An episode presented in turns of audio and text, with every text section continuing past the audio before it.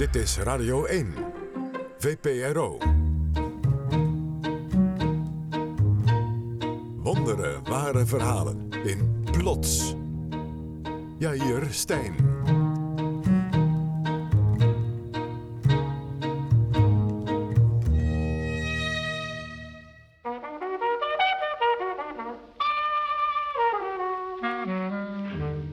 We gingen een dagje uit en we gingen naar Purmerend.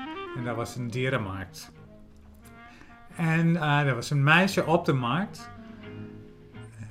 Ik denk iets om een jaar of zes, zeven. En Conchita zat in haar schoot. Het zijn de jaren 90 als Mark en Nico voor het eerst kennis maken met Conchita. Mark is op slag verliefd. Heel rustig. Er was een prachtig plaatje. En die boer, de vader dus, ehm, verkocht de geit. Dus ik vroeg, is, ik vroeg, hoe duur is die geit en is ze heel rustig? Ik zeg, ja, hij is heel, ze is heel rustig. Ehm, dus eh, ik dacht, oké, leuk. En een geit, 25 gulden. 25 gulden. Ze wonen in de binnenstad van Amsterdam. Niet de meest voor de hand liggende plek voor een geit. Dus geit gekocht, naar huis genomen en eh, in de tuin een, eh, een hok voor haar gebouwd. Ze was heel blij daarmee. Ze ging daarin zitten. Maar toen ik wegging, toen begon de ellende. Want ik, een geit, toen ontdekte ik, een geit kan niet alleen zijn. De boer had één ding niet verteld.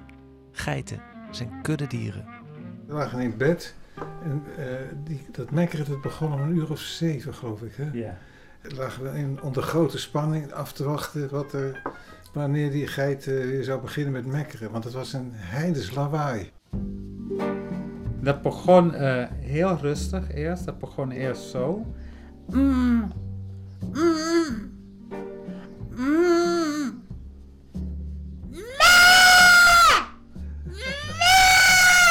En dat ging de hele dag door.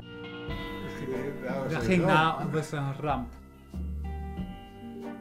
Dit is plots met wonderlijke ware verhalen rond één thema. Het thema vandaag: dieren. Over wat we allemaal over hebben voor dieren en waarom. We gaan zo verder met het verhaal over de geit. En later zal het gaan over een zieke kat, een dood paard en waarom ook niet 40.000 nertsen.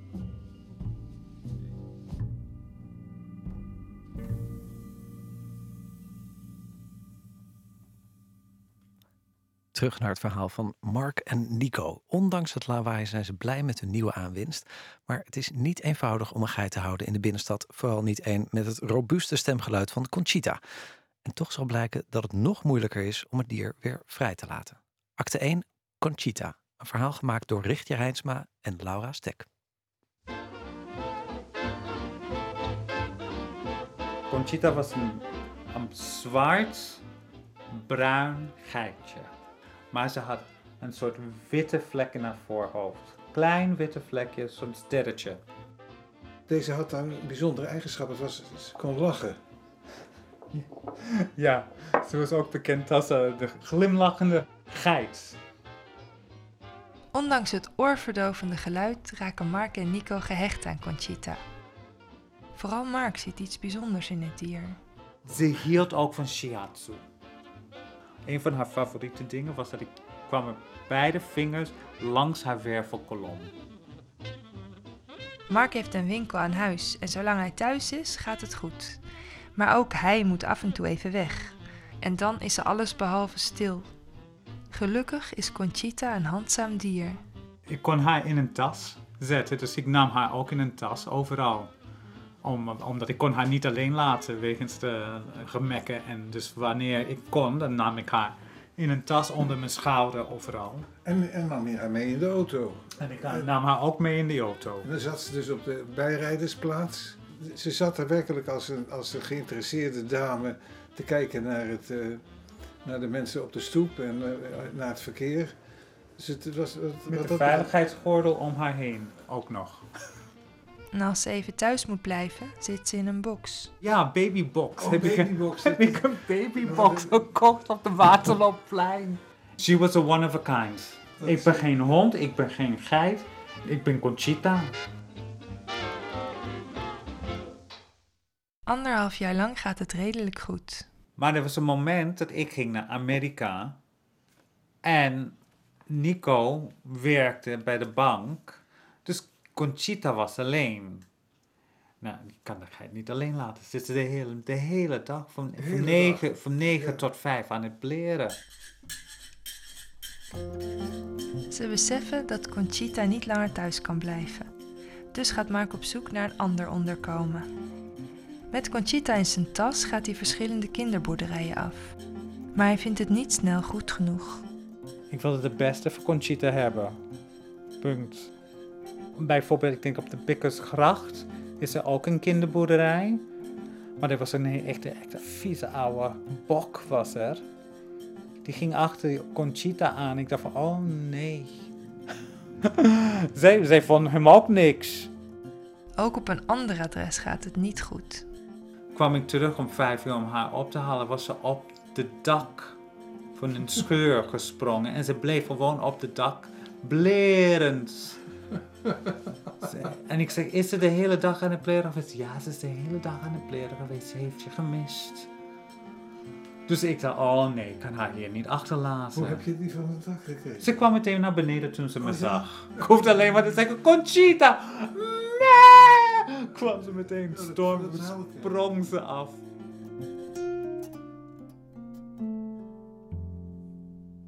Als Mark Conchita een keer uitlaat in het park, ziet hij dat er een nieuwe kinderboerderij wordt gebouwd. Dus ik, eh, ik ging daar naar binnen en ik sprak met iemand daar. En ze zei, we zoeken ehm, vrijwilligers. Dus ik dacht, nou mooi. Ik zeg, nou ik wil best wel vrijwilligers zijn, maar mag ik mijn geit ook meenemen? nou, dat vond ze best, dat mocht. Ik ging daar naartoe, werkte daar s ochtends en ik liet Conchita daar achter. En zij vond het best, want zij kon overal rondlopen. Er waren mensen. Ze vond kinderen leuk. Elke middag na zijn werk haalt Mark Conchita weer op. Op een gegeven moment was het een soort crash. Elke dag om vijf uur, net zoals een crash. Oh, de kinderboerderij gaat dicht, ik moet even Conchita halen. Mark werkt twee jaar op de kinderboerderij. Dan is Conchita geaccepteerd door de kudde en kan zij naartoe verhuizen. Het is opmerkelijk dat Mark zoveel over heeft voor Conchita, gezien de voorgeschiedenis. Want zij is niet zijn eerste geit.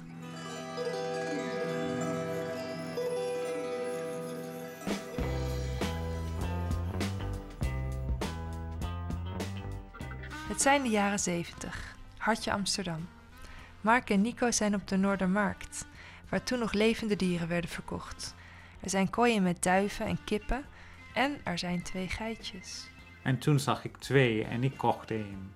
En de buurman was met me, dus hij kocht het andere. Dus we hadden een geit en een bok. Ze noemen haar Babette en anders dan Conchita is ze niet alleen. Samen met de bok van de buurman woont ze in de tuin van Mark en Nico. Als ik van mijn werk kwam, dan ging ik als eerste naar de geit beneden in de tuin. Ja. En dat was een routine aan het worden. 's ochtends voordat ik wegging kwam ik ook, kwam ik ook vaak even kijken. Maar op een dag, als Nico al naar zijn werk is, wordt Mark bruut uit zijn slaap gewekt. Ik werd wakker gemaakt door het gegil van de buurman. Die me gewoon, die was woedend. Dus die begon te schreeuwen tegen de geit. You fucking goat, Mark! En ik dacht van, ja, Jesus Christ, wat is dit, weet je, acht uur 's ochtends. Babette blijkt over de schutting te zijn gesprongen. Naar de tuin van de buurman. Dus ik kwam naar beneden en die geit die lag onder één plantje. Want al die andere plantjes waren al opgefroten. Maar toch wilden ze de laatste blaadje halen. En in de tuin van de buurman stonden tientallen wietplanten. Een, ja, een kleine plantage. En ze waren allemaal weg, behalve één. En daar lag die geit eronder. Zo stond als een kanaal. Mark heeft ooit ergens gehoord dat melk goed is bij een overdosis. Maar Babette is al te ver heen. Ze ging met beide poten om elkaar heen. En ze viel met haar, met haar mond in het bakje melk. Heel boom. Naar de dierenarts gaan is geen optie. Die zou de marihuana ontdekken en de politie kunnen bellen. Tegelijk vreest hij dat de schade niet te overzien is als de geit gaat herkauwen op de enorme hoeveelheid wiet. Die blijft een week stoned. Nou, Dat- dat- en ja, als ze uit de stonedheid komt, dan is ze gewoon brain damaged. Mark is ten einde raad. Gelukkig is hij niet alleen. De buurman heeft me geholpen. Want die kreeg ook medelijden met de geit. Later die dag komt Nico uit zijn werk. Hij kwam binnen in zijn pak. Weet je, van, direct van de, van de bank. Kwam hij naar boven. Ging hij meteen, hij gaf me een zoentje. Hallo, ik was bezig met het eten. En ik dacht, oh, ik moet niks zeggen. Dus ik dacht, ik haal mijn mond. En hij ging meteen die tuin in. Ik kan de geit niet vinden. Babette is spoorloos. Dus ik, ging, ik holde naar boven, want ik dacht dat er iets ernstigs gebeurd was. En eh, ik vroeg aan eh, Mark of hij, of hij de, de geit niet gemist had. Toen zei hij, kom maar mee. En ik zei tegen hem, kijk in de vriesvak. En er lag in de koelkast lagen keurig, nou ik neem aan, zes pakjes ingepakt geitvlees.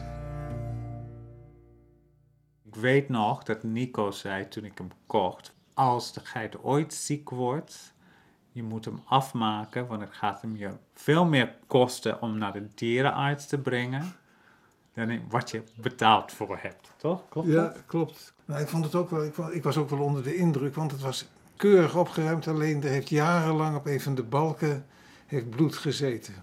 En iedere keer als ik in het souterrain kwam en ik zag die balk, dan zag ik Babette. Weet je nog?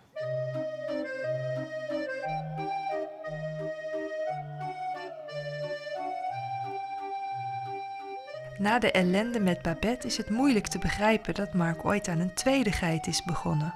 Maar zelf wist hij het zeker. Ik wilde een geit, punt. Nico was not at all amused.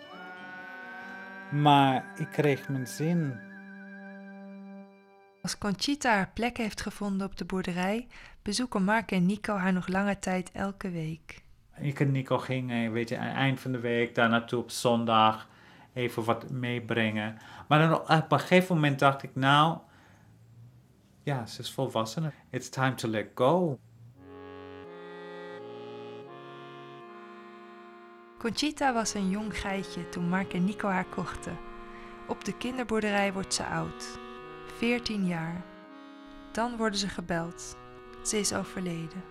Het was zo'n vreselijk leuke geit en zo'n sociale geit dat je dat het door je ziel snerpte dat er een eind aan was gekomen. Dus iedereen zat bij de graf. En ik moest haar optillen en naar de graf toe brengen. Ze vroegen of we moesten in een kraalwagen. En ik zei van nee, nee, dat, eh, ik neem haar in mijn armen en ik breng haar gewoon naar de graf. Dus toen ik haar optilde, er kwam een geluid uit haar. Ik, ehm, natuurlijk is het een dag lag ze daar, dus ze had wat, wat, wat wind in haar buik. Maar de wind kwam niet uit waar het normaal uitkwam. Het kwam uit haar mond. Dus ze mekkerde voor de laatste keer in mijn armen. Ik tilde haar op en ik hoorde... "Ah."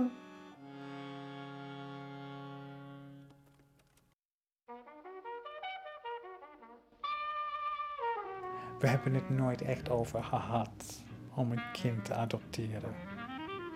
Dat was een soort idea. En misschien was Conchita een beetje een voorloper op die idea. En toen was het genoeg. Want je hebt toch een, een wezen grootgebracht en daar gaat het om. Ouders willen gewoon kijken naar hun kinderen dat ze hebben een hele mooie leven gehad. Met Conchita kon ik dat wel zeggen. Conchita was hier klein, ze was grootgebracht. Ik heb haar naar de kinderboerderij gebracht, dat is een soort school. Ze heeft allemaal kleine geitjes gehad. Ze, hebben, ze heeft een heel mooi leven gehad.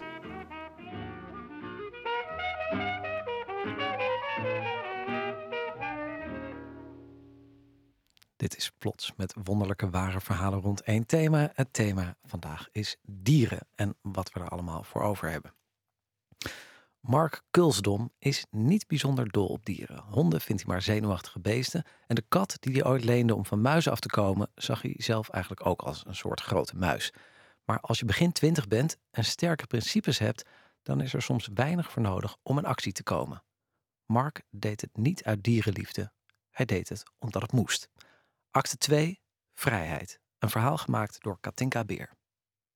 Het is de winter van 2001. Mark is 23 en zit in de gevangenis in Kopenhagen. Hij valt er nogal uit de toon.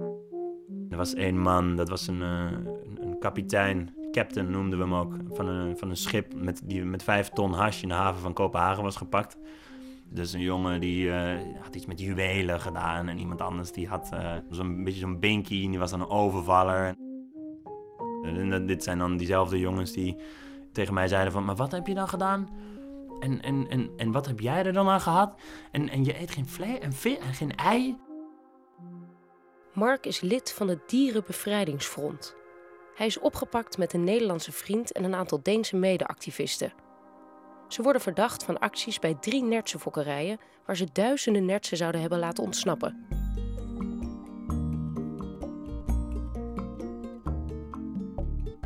Op een avond zien de gevangenen een grote mensenmassa achter de gevangenis verschijnen. Dus toen kwamen zo 200 man met fakkels, die kwamen door die straat en die werden, dat werd stil. En toen begon ik te roepen en uh, van, wat willen we? En toen hoorde je echt 200 uh, jongeren, dierenbevrijding, wanneer willen we dat? Nu! En, het, en het, dat ging echt zo hard over die binnenplaats en... en ja, dat was. Ik zat dan met kippenvel. Uh, ja, dit is wel heel intens. En de volgende dag kregen we van andere gevangenen ook. Die vroegen allemaal, was jij dat? En, en wow, jullie, gaan, jullie zijn echt een soort maffia, hè?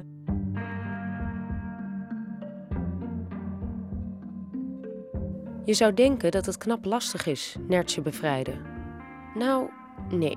Het, het is heel simpel, hè. Het is echt heel simpel. Het is echt, ga naar plek A, open de kooi, ga naar huis. Het is, het is niet meer dan dat je moet je voorstellen, zo'n zo'n fokkerij, daar, um, als zo'n boer daar 10.000 dieren houdt, ik noem maar een aantal, dan gaat hij niet, heeft hij niet een hangslotje om elke kooi heen. Je kon er bijna, op een gegeven moment kon je er bijna langs rennen, zeg maar. En dan met je handen kon je dan door. En dan ging het heel rap. Alleen aan de nertsen zelf moet Mark een beetje wennen. De eerste keer, wat ik, wat ik me kan herinneren dat ik echt met die dieren in aanraking kwam, vond ik het ook best wel eng. Ze waren best wel groot en, en, en ineens waren ze overal. Dan lopen gewoon uh, eh, 200 dieren om je voeten heen. Allemaal super nieuwsgierig en allemaal op ontdekkingstocht. En ze bijten ook, dus het is ook... Uh, je moet ook nog gewoon uitkijken. Ik heb ze zien rennen, ik heb ze tegen schuttingen op zien springen. Zo van, zo van waar is de uitgang? Ik moet hier weg. Echt, dat, dat, dat ik er echt ook stond te kijken van... Wow, deze snapt het. Uh, en ik heb ze ook in de kooien zien blijven zitten. Dus dat, dat er geen beweging in zat. En er zijn heel veel die worden de dag erna. Ik bedoel, in, in, in Denemarken hoorde ik dat de boer was wakker geworden, want uh, er lagen allemaal nertsen in zijn zwembad. Dus, dus er worden heel veel dieren worden gewoon weer gevangen en die gaan weer terug. En er zijn een aantal dieren die, die, die zijn gewoon sterk genoeg. Of die hebben gewoon nog een soort instinct en slim genoeg. En die zijn gewoon weg. Die zijn gewoon gone. En die, die, die kunnen het gewoon redden. Mark twijfelt er niet aan of het goed is wat hij doet. Ik was begin twintig en ik had echt een radicaal gedachtegoed. Dus, dus, dus bam, wij strijden voor rechtvaardigheid. Jij bent onrechtvaardig.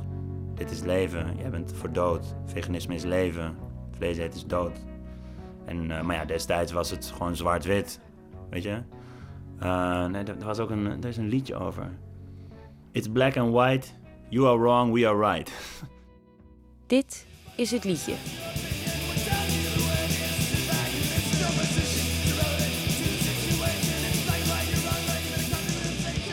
De Deense justitie heeft niet kunnen bewijzen dat Mark en de andere activisten de 13.000 nertsen daadwerkelijk hebben laten ontsnappen. Ze zijn alleen veroordeeld voor het beramen van de actie. Ja, waren wij dat? Um, ja, mensen moeten maar zelf een beetje bedenken hoeveel 1 plus 1 is. Wat wel bewezen is, is een poging om nog eens 40.000 nertsen te bevrijden. Bij die actie zijn ze min of meer op heterdaad betrapt. Het was een uh, Deense geheime dienst die uh, we nu bij allemaal kennen uit uh, The Killing, die serie. De PET. En die was ehm, een lokale activistengroep op het spoor gekomen... waarbij twee buitenlanders logeerden. En een van die buitenlanders was ik. en wij zijn toen gevolgd, drie dagen. Dat idee hadden ze soms al de dag dat wij naar de andere kant van Denemarken gingen rijden, stond de ochtends stond, waren we gewoon aan het voetballen bij een flatje waar we moesten wachten. En toen stond er een taxichauffeur, die stond af en toe naar ons te kijken. En die, die, maar dat was een taxichauffeur, dus die stond te wachten. Maar dat, dat was gewoon, ja, je bent echt super alert op alles wat je maar in de gaten houdt. Dus dat was verdacht. En toen gingen we nog iets ophalen in een huis en toen stond er een man in een telefooncel. En dat zag er ook al een soort verdachtheid. En dat waren twee momenten dat ik dacht van, hmm, de dierenactivisten vertrekken naar Jutland, waar een paar grote nertsenfokkerijen zitten. Ze huren een blokhut op een vrijwel verlaten camping, eten wat en testen de walkie-talkies die ze speciaal hebben gekocht. Ze vertrekken rond middernacht. En toen uh, zijn we gaan rijden naar een fokkerij uh, die in de buurt stond van een moerasgebied. Dus ideaal voor die dieren. En toen we de auto geparkeerd hadden, toen zagen we koplampen in de verte op een landweggetje waar s'nachts om 1 uur geen koplampen horen te zijn. Dus toen zijn we heel snel weggereden. En toen waren we al wel een beetje een soort van, hmm, dit is wel raar. Maar ja, we waren daar nu eenmaal. Dus uh, overmoedig als we inmiddels waren, zijn we naar een andere plek gegaan. En uh, die Denen voelden zich altijd extra beschermd als we een vos zagen oversteken. Dus toen zagen we een vos in de koplampen oversteken. Dus het was een soort van, wij, wij en de dieren, dat komt wel goed. Ze rijden naar een andere fokkerij en parkeren in de buurt, een beetje verstopt in het bos. Ze zien een auto voorbij rijden. En dan nog één. En nog één en nog één.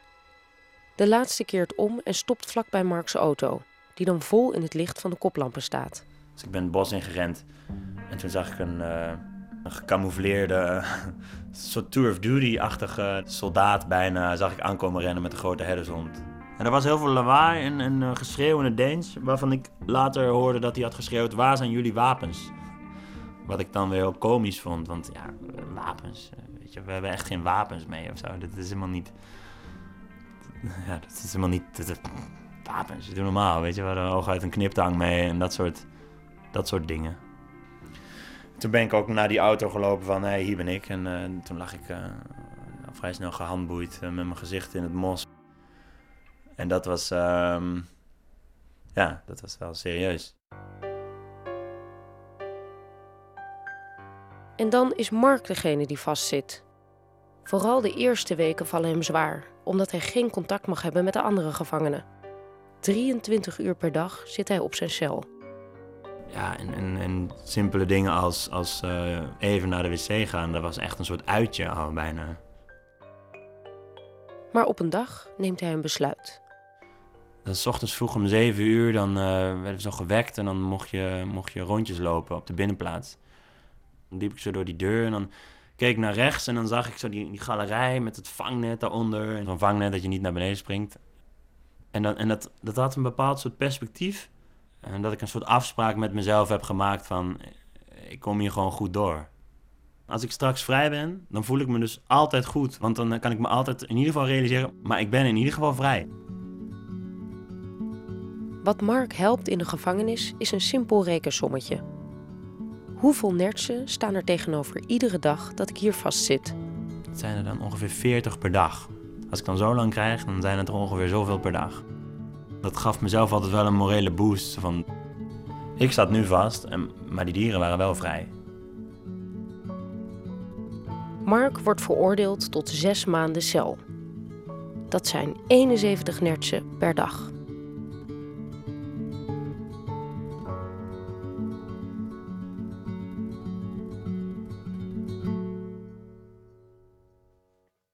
Mark Gulsdom heeft de tijd bij het Dierenbevrijdingsfront inmiddels achter zich gelaten. Voor huisdieren is het niet altijd duidelijk wat precies hun plaats is in het gezin. Ze houden vaak het midden tussen een volwaardig familielid en een levend meubelstuk. En dat wordt vooral duidelijk als het dier in kwestie ernstig ziek wordt en de eigenaar moet kiezen tussen de spoedkliniek en de vuilstortplaats. En als het zover komt, mag de eigenaar die keuze dan wel zelf maken. Acte 3 een kwee. Een verhaal gemaakt door Prosper de Roos.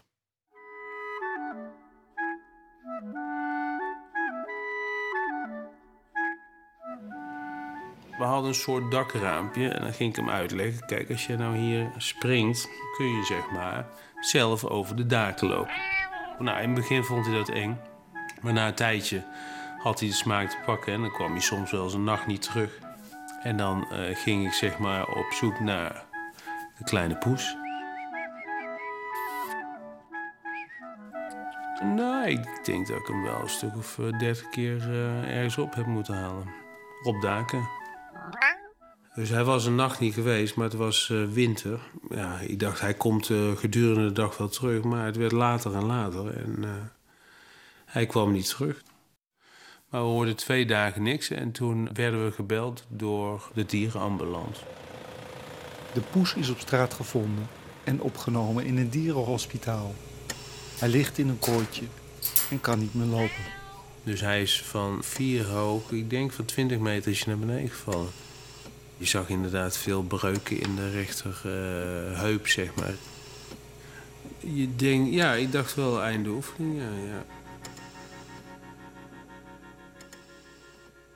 Vroeger hadden wij eh, kipjes, konijnen, honden. Mijn opa had een boerderij, paarden. Maar wat mijn vader ook deed, wat mijn opa ook deed... als dieren niet goed waren, eh, dan ja, werden ze onder water gehouden. Of ja, ben ik ook bij geweest, werden ze gewoon tegen de muur aangegooid. Van ja, ze zijn niet meer goed.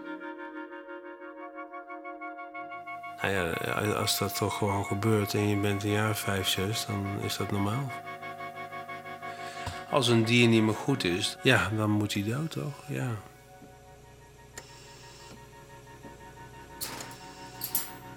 De poes lag daar, keek maar. Dus ja, ik denk, ja, wat moet ik doen? Dus ik stak mijn vinger door de tralies heen. En toen legde hij met zijn voorpootje, legde hij zijn pootje op mijn vinger. Sta je alleen in zo'n hokje te huilen? Ja, dat is wel vreemd. Ik had het niet verwacht. Nee, er kwamen wel heel veel emoties naar boven... wat ik echt helemaal niet verwacht had. Dat ik dacht, jezus, mine zeg, wat, uh, wat gaat er hier... wat ben ik hier aan het worden voor een... Uh, in Brabant zeggen ze een kwee. Oftewel niet echt uh, tegen het leven opgewassen. Het dierenhospitaal kan de poes opereren. Voor 2500 euro wordt de breuk gezet en voor 1500 de poot geamputeerd. Dat is heel veel geld, vind ik. François hoeft niet direct te beslissen. Ik zat thuis die avond en ik moest dus beslissen over pootje eraf, pootje eraan of katje dood. Toen dacht ik, ik betaal 1500 euro voor een dier wat terugkomt, wat eigenlijk verminkt is en mank loopt en niet echt blij door het leven gaat.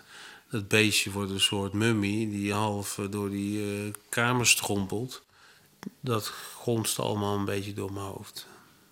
Dus de volgende dag wist ik eigenlijk ook niet wat ik ging doen. En ik nam de telefoon op en uh, ja, ik heb dus tegen die mevrouw gezegd van... Uh, maak hem dan maar af. Tot mijn verbazing zei diezelfde zuster... ja, dat doen we niet, want daar vinden we de poes te goed voor.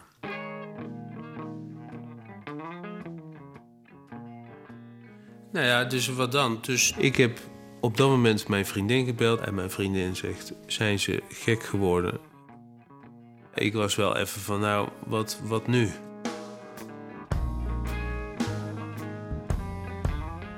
Het dierenhospitaal waar François aan poes lag bestaat niet meer. Ik ga bij een andere spoedkliniek langs. Hey, hoe is het met jou? Ja, dilemma's zijn natuurlijk als een eigenaar wil dat we een dier in laten slapen en wij willen het niet. Tegenovergestelde komt ook voor dat ze zeggen: je moet hem redden, hoe dan ook. Hey. Hallo, snoesje. We hebben hier een, een heel benauwd hondje gehad. Die zat in de couveuse met extra zuurstof. De diagnostiek wees erop dat dat een niet te genezen probleem was. Dus voor ons een reden om te zeggen: we moeten stoppen met de behandeling en we moeten het diertje in laten slapen. Maar de eigenaresse kon dat niet. Toen zei ik van nou, neem het dier dan mee. Nu eventjes naar buiten om te kijken of die überhaupt zonder zuurstof kan. En dat is helemaal misgegaan. Uh, ze nam het dier mee naar buiten en toen is het gestikt.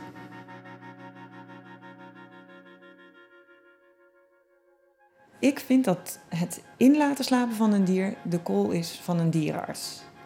Omdat ik niet vind dat je vanuit gemakzucht kunt beslissen over leven en dood. Daar moet, wat mij betreft, een medische indicatie voor zijn. En daarin hebben wij met z'n allen afgesproken dat iedereen zijn eigen afwegingen daarin maakt. Als jij het moreel niet voor elkaar krijgt om voor jezelf te verantwoorden dat je dat dier moet laten inslapen, dan doe je het niet.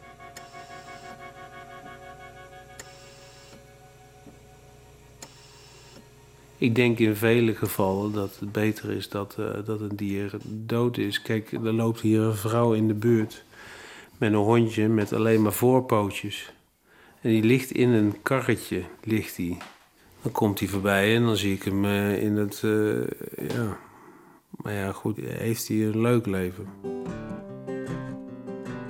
Voor François is 1500 euro te veel.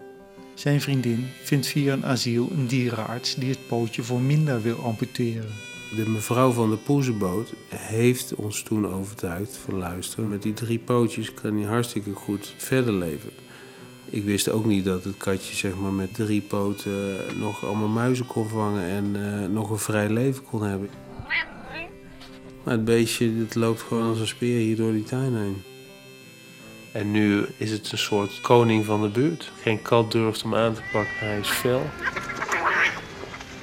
Uiteindelijk ben ik ook blij en kijk ik af en toe het katje aan en denk: Jezus, Mina.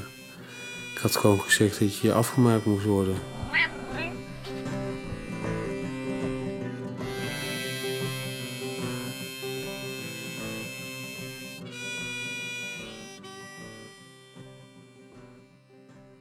Je zou denken dat als de beslissing eenmaal is genomen of een dier in leven moet blijven of niet, dat dan het meeste werk gedaan is. Maar niet altijd. Op haar dertiende krijgt plotsmaker en co-eindredacteur Katinka Beer haar eigen paard, Tashka. 27 jaar lang zorgt ze voor het dier. Ook als Tashka met paardenpensioen is, blijft Katinka voor haar afreizen naar het platteland. Maar op het laatst is het dier zo verzwakt dat ze soms niet meer zelf overeind kan komen. Daar raakt ze dan enorm van in paniek en het wordt duidelijk dat de dierenarts niks kan doen en het beter is om haar uit haar lijden te verlossen. Maar wat te doen met Tasca na haar dood? Acte 4. Doodpaard. Kijk, de meeste paarden-eigenaren, als ze hun paard laten afmaken, brengen ze naar de slager. En dan krijg je er ook nog een beetje geld voor. Maar ik ben vegetariër en ik zou nooit, sowieso ook al was ik het niet, ik zou nooit willen dat mijn paard in de frikadellen. Echt heel verschrikkelijk, vind ik dat. Het alternatief is dat je uh, een dierenarts laat komen, gewoon naar de eigen stal. Alleen dan is er vervolgens natuurlijk een dood paard. En dat moet aan de kant van de weg worden gelegd met een zeil erover. Wordt opgehaald door een, bedrijf en gaat naar de destructie. Uh. Dus wordt het, uh, je komt het volgens mij in de lijm of in de kauwgom terecht. Wat ik ook helemaal geen leuk idee vind.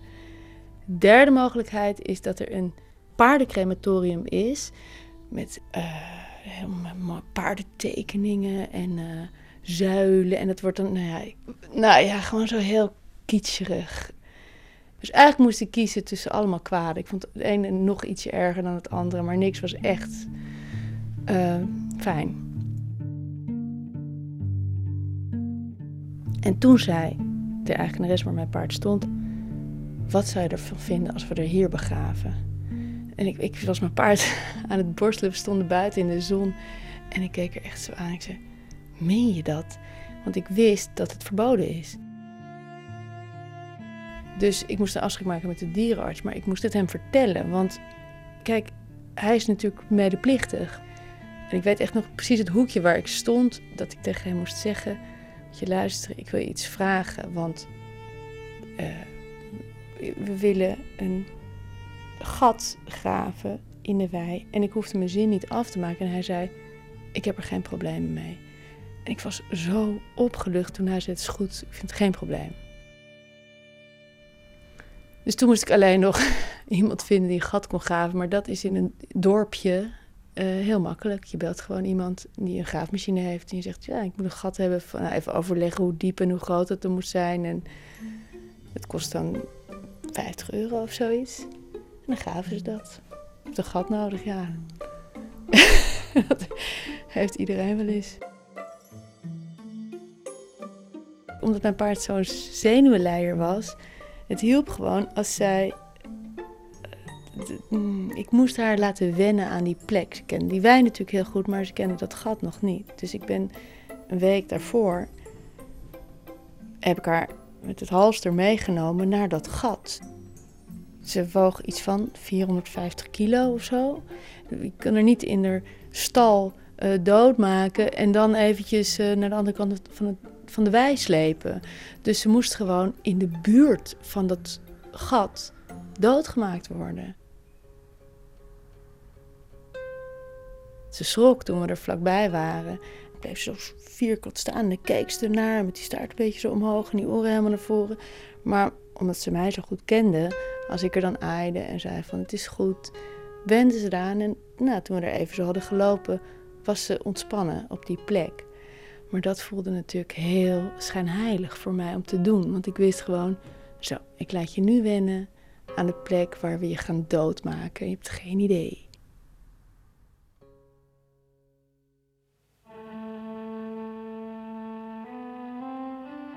Nou, we liepen met z'n allen vanuit de stal naar dat gat. En toen. Uh,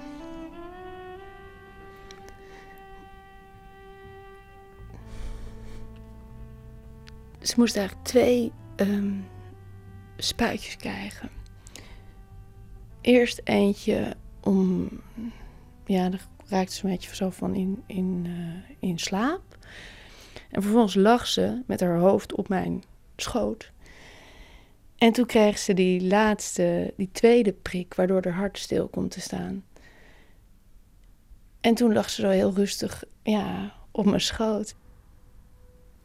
Maar ik weet, ik, wat ik toen dacht en later ook nog, hoe makkelijk het eigenlijk is om een leven te nemen, hoe weinig je nodig hebt. En dit is dan een paard, maar voor mens geldt natuurlijk hetzelfde. Je een schot of een spuitje dat het eigenlijk niet in verhouding staat, vind ik, met hoe groot het is om te leven en hoe makkelijk je dat kunt uh, wegnemen.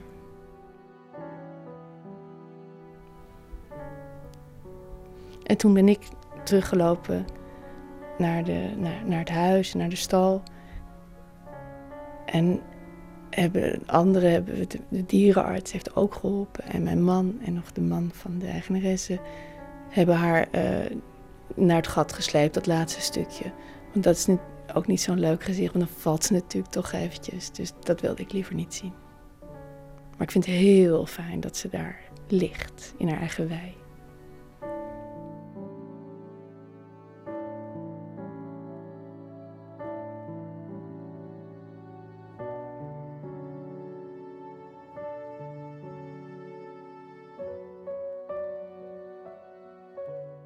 Dit was Plots. Redactie Katinka Beer, Esma Linneman, Irene Houthuis en ik, Jair Stijn. Verder werken mee Jennifer Patterson, Laura Stek, Bente Hamel, Richtje Rijnsma, Stef Visjager, Tjitske Musche, Prosper de Roos, Jula Altschuler en Marije Schuurman-Hes. Techniek Alfred Koster, productie Sharon de Vries. Met dank aan Maartje Passon Vastenburg en Bart Schollema en aan het Medisch Centrum voor Dieren. Ik hoorde net dat als het aan de Partij voor de Dieren ligt, afdeling Den Haag, er een noodfonds moet komen voor mensen die geen geld hebben om een zieke huisdier te laten behandelen. Ik vraag me af, na het horen van het verhaal over die kat, hoeveel er in zo'n fonds moet komen om dat soort kosten te dekken. 2500 euro om een gebroken pootje te zetten. Ze zullen aardig wat geld moeten reserveren daar in Den Haag. Kijk op onze site om meer fantastische, ware verhalen te vinden en lid te worden van de gratis Plots podcast. En om ook nu meteen, doe dat razendsnel, een reactie achter te laten op onze website vpro.nl/slash plots. U kunt daar ook uw eigen verhaal opsturen via dezelfde site. Volgende week verhalen in Studio Itzerda. Straks Bureau Buitenland met Chris Keijnen. De volgende plots is er weer op 25 augustus thema Redders in Nood. Bedankt voor het luisteren.